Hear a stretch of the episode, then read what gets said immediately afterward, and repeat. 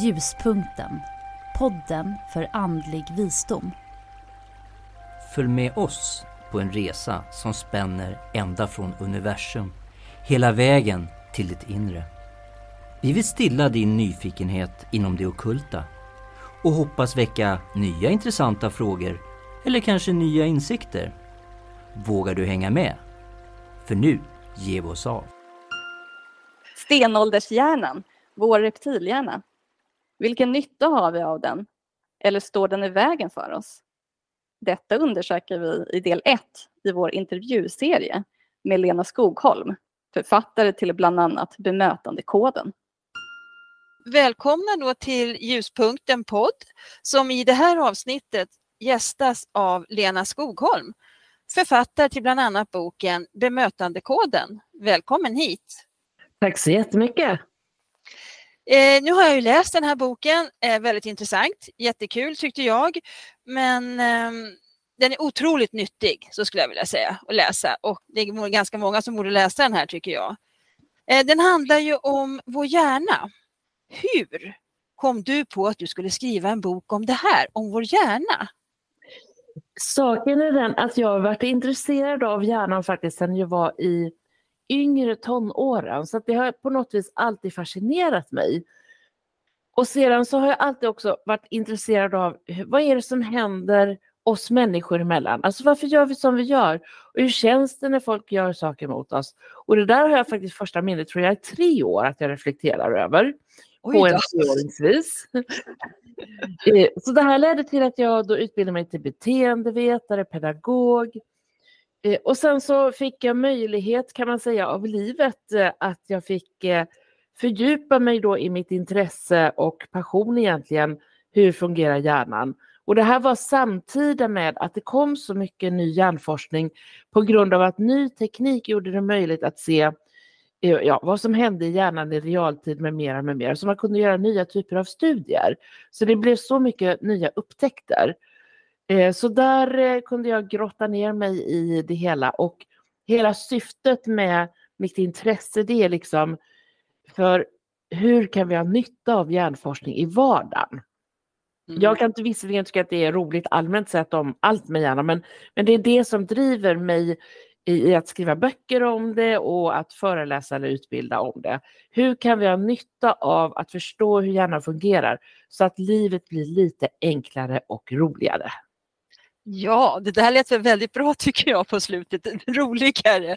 Eh, jag tänker på det som du säger att redan alltså som väldigt liten fick du det här intresset. Det är ju ganska fantastiskt att man kan fortsätta då och jobba med det småningom. Det är ju inte alla förunnat. Eh, jag är så tacksam. Ja, jag förstår det. Jag jobbar också med något liknande som jag egentligen har hållit på med hela tiden mer eller mindre och det är väldigt stimulerande att få göra sådana saker. Men du, du beskriver ju att vår hjärna nu har tre avdelningar. Kan du lite kort berätta om de här avdelningarna för de som inte har läst boken? Ja. Jo, om man tänker sig så här, för det första så tänker jag, vi har nog alla sett en bild på en hjärna och på en sån bild kan man ju se att det är olika typer av strukturer på de olika våningsplanen, om vi så kallar det. Längst ner kan man se hjärnstammen, i mitten har vi liksom eh, det man brukar kalla för däggdjurshjärnan med limbiska systemet med mera. Och sen har vi hjärnbarken liksom på och inte minst de här stora framloberna hos människor.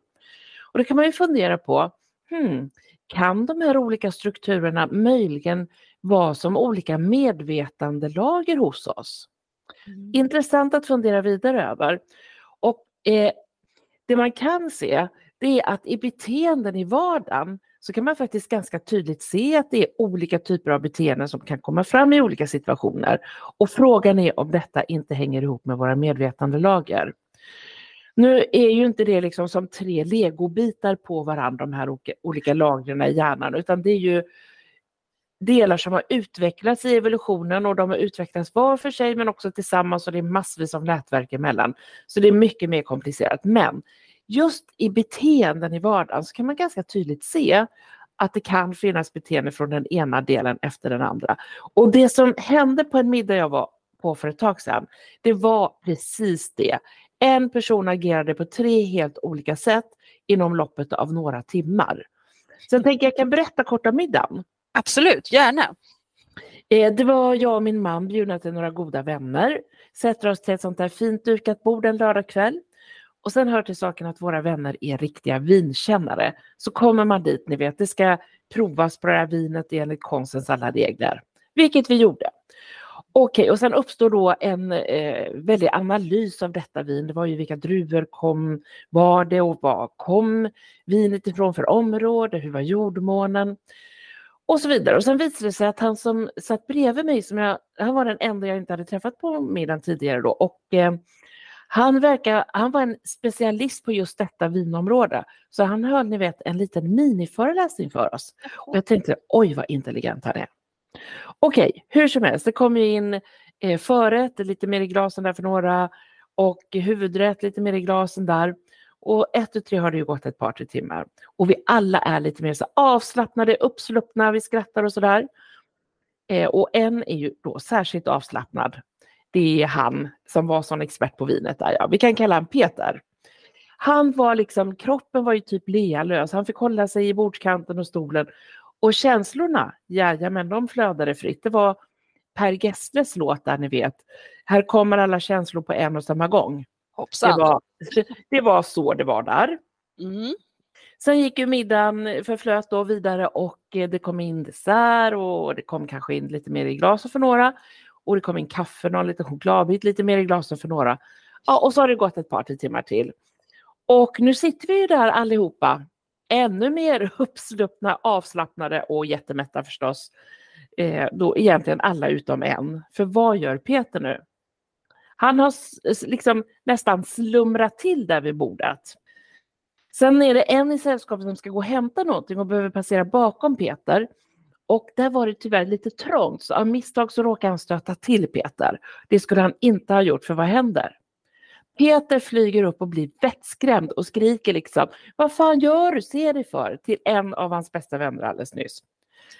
Alltså det här är så tydligt inom loppet av de här timmarna. Först tänkte jag, åh vad intelligent han är. Sen i mitten av middagen så reviderade jag min bedömning lite och tänkte, oh, han är också ganska känslosam. Och sen liksom i slutet av middagen, oh, hett temperament också. Vem är karln egentligen? Men det här är, tycker jag, en uppvisning av hur vi kan agera utifrån de här medvetandelagren. Mm. Mm. Och det där tycker jag, det har vi nog sett kanske lite till mans, både du och jag Caroline, att det har hänt på, på olika tillställningar. Och eh, jag har nog inte fattat det du säger nu, att det här kommer från hjärnan, om man säger. Mm. Så kan vi väl säga. Och då är det olika delar i hjärnan, menade du, Lena? Ja, på ett väldigt förenklat sätt. Och det här kan väl kanske ses mer som en metafor för att förstå de här olika utvecklingsstegen i hjärnan än exakta precis att nu är det exakt där vi agerar ifrån, liksom att det är nätverk som lyses upp.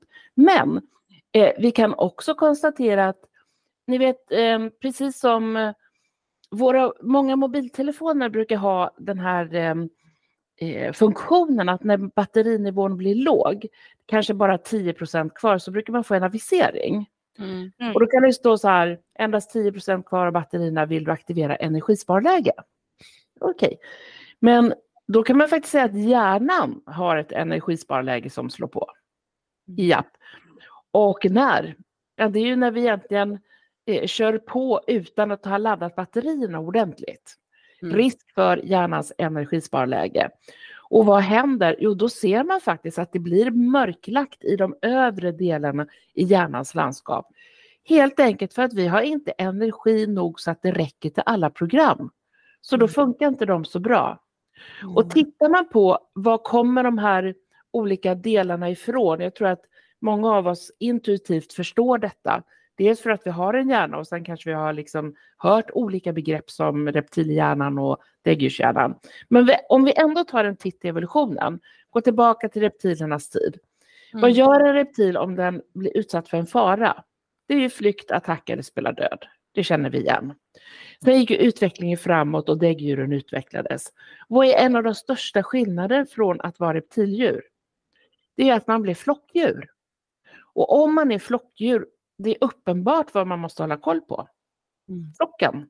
Jajamän. Hur ska jag kunna säkra min plats i flocken nu?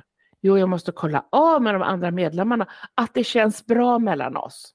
Mm. Känns det bra, känns det bra, känns det bra. Alltså förenklat kan man säga att däggdjurshjärnan, där utvecklades känslocentret, ett primitivt känslosystem kan man säga.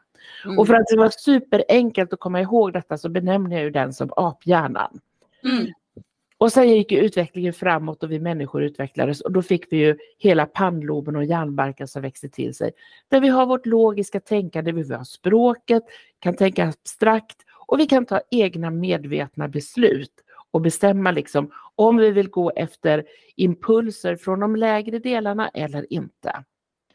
Och det var ju det som blir så uppenbart på den här middagen då, att från början så agerar han ifrån den övre delen som jag då kallar människohjärnan, med det logiska. Och sen var det ju känslorna i centrum, där vaknade aphjärnan till liv. Och sen var det ju bara reptilen kvar helt enkelt. Mm. Flykt, attack eller spela död. Mm. Ja. Och det blev attack där. Ja, precis. Det blev attack. Du, jag tänkte vi skulle börja lite med reptilhjärnan, för den verkar ju ha väldigt mycket egentligen med vår överlevnad att göra. När jag läste din bok att, att andningen hålls igång, eh, liksom att hjärtat slår och alla sådana här saker. Men hur mycket av det vi säger tolkas i reptilhjärnan och letar den alltid efter hot? Det får man nog säga att reptilhjärnan är man kan säga så här att om vi möter behoven i reptilhjärnan då håller den sig ju lugn. Mm. kan man säga. Mm. Eh, Och jag tror att alla lyssnare också förstår att vi pratar ju metaforer samtidigt som det är delar i, i olika strukturer i hjärnan men att naturligtvis är alltid hjärnans landskap mer komplicerat. Men på det här sättet kan vi förstå det för att få nytta av det i vardagen. Mm. Eh, reptilen vill ha säkerhet och trygghet. Mm. Det är det liksom. Om det skulle börja brinna, vi skulle alla hamna i reptilhjärnan för det är också överlevnadsläge. Mm. Mm. Om vi skulle befinna oss i en byggnad, kanske på en hög vånings, ett högt våningsplan, kommer till hissen, vad står det där? Det är en skylt. Vid brand 1, 2, 3. Mm. Mm. Varför står det på det sättet? Därför att som jag kallar det, det är reptilspråket. Alltså det är det vi behöver om vi befinner oss i reptilen. Och sen reptilen, om inte, vi behöver ju såklart få jag tänker också hur kan vi ta hand om våra olika delar om man fortsätter metafortänket här. Då tänker jag att, att ta hand om reptilhjärnan eftersom den tar hand om vår fysik så tänker jag att det handlar om att ta hand om oss fysiskt. Mm. Där vi vet att vi ska äta bra och sova bra, röra på oss och så få ordentligt med återhämtning så att vi laddar batterierna då. Mm. Precis. Då kan vi också veta att aha, om jag möter någon i reptilhjärnan då som kanske går till attack, det gör vi ju nu och då. Och det där kan vara ganska stressande för man känner sig påhoppad och man vet inte vad man ska säga. Och det är det jag har märkt då att den här förståelsen av de här tre avdelningarna kan hjälpa oss att få som ett stressskydd. För istället för att jag själv blir stressad och går igång så kan jag tänka faktiskt, aha, reptilhjärnan, jag tar reptilspråket. Mm. Och vad betyder reptilspråket? Ja, det är det där kort, konkret och tydligt. Tre korta meningar. Mm. Sätt dig här, jag hämtar kaffe, vi tittar på punkt efter punkt. Ja. Exempelvis det du säger just det här med, med, med vad som står om brand och så här, det är lite spännande för jag undrar vilken del av hjärnan jag själv var i då nämligen för nu när vi var ute på en resa så gick ju brandlarmet då på ett av hotellen som vi bodde på. Och vi var ju ganska högt upp. Och jag märkte ju då att alla människor började då som på rusa ut och kasta sig ner för de här trapporna. Även om de var 20 våningar upp skulle alla springa ner. Eh, Men vad gjorde jag? Jo, jag öppnade dörren och så tittade jag ut där. Jaha, det ser inte ut att brinna här. Och sen så kom de ju då så att säga i högtalaren och sa att stanna på era rum. Och där var ju jag redan. Jag hade ju inte ens sprungit ut. Vilken del i hjärnan befann jag mig i? Ja du, den som visste. Nej, men ja, ja, alltså det är ju så olika som hur vi reagerar vid fara. Någon annan berättade för mig att det här hade hänt. Det Mm. brann och man ska ju inte använda trapporna då, det visste hon 100% säkert. Men då står det en man i, try- i, i, vid, vid liksom hissen och håller upp dörren, ni vet sådär. Mm. Och så säger bara så här, det är lugnt, du kan gå in här. Det är lugnt, du kan gå in här. Mm. Så hon hade tagit hissen.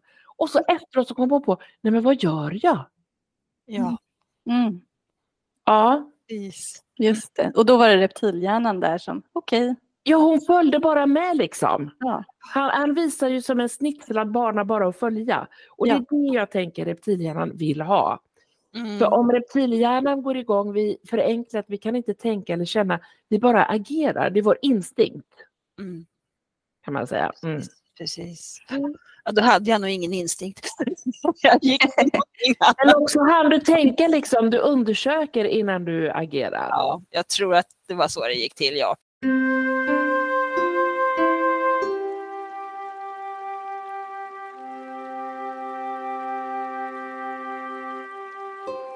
Ljuspunkten. Podden för andlig visdom.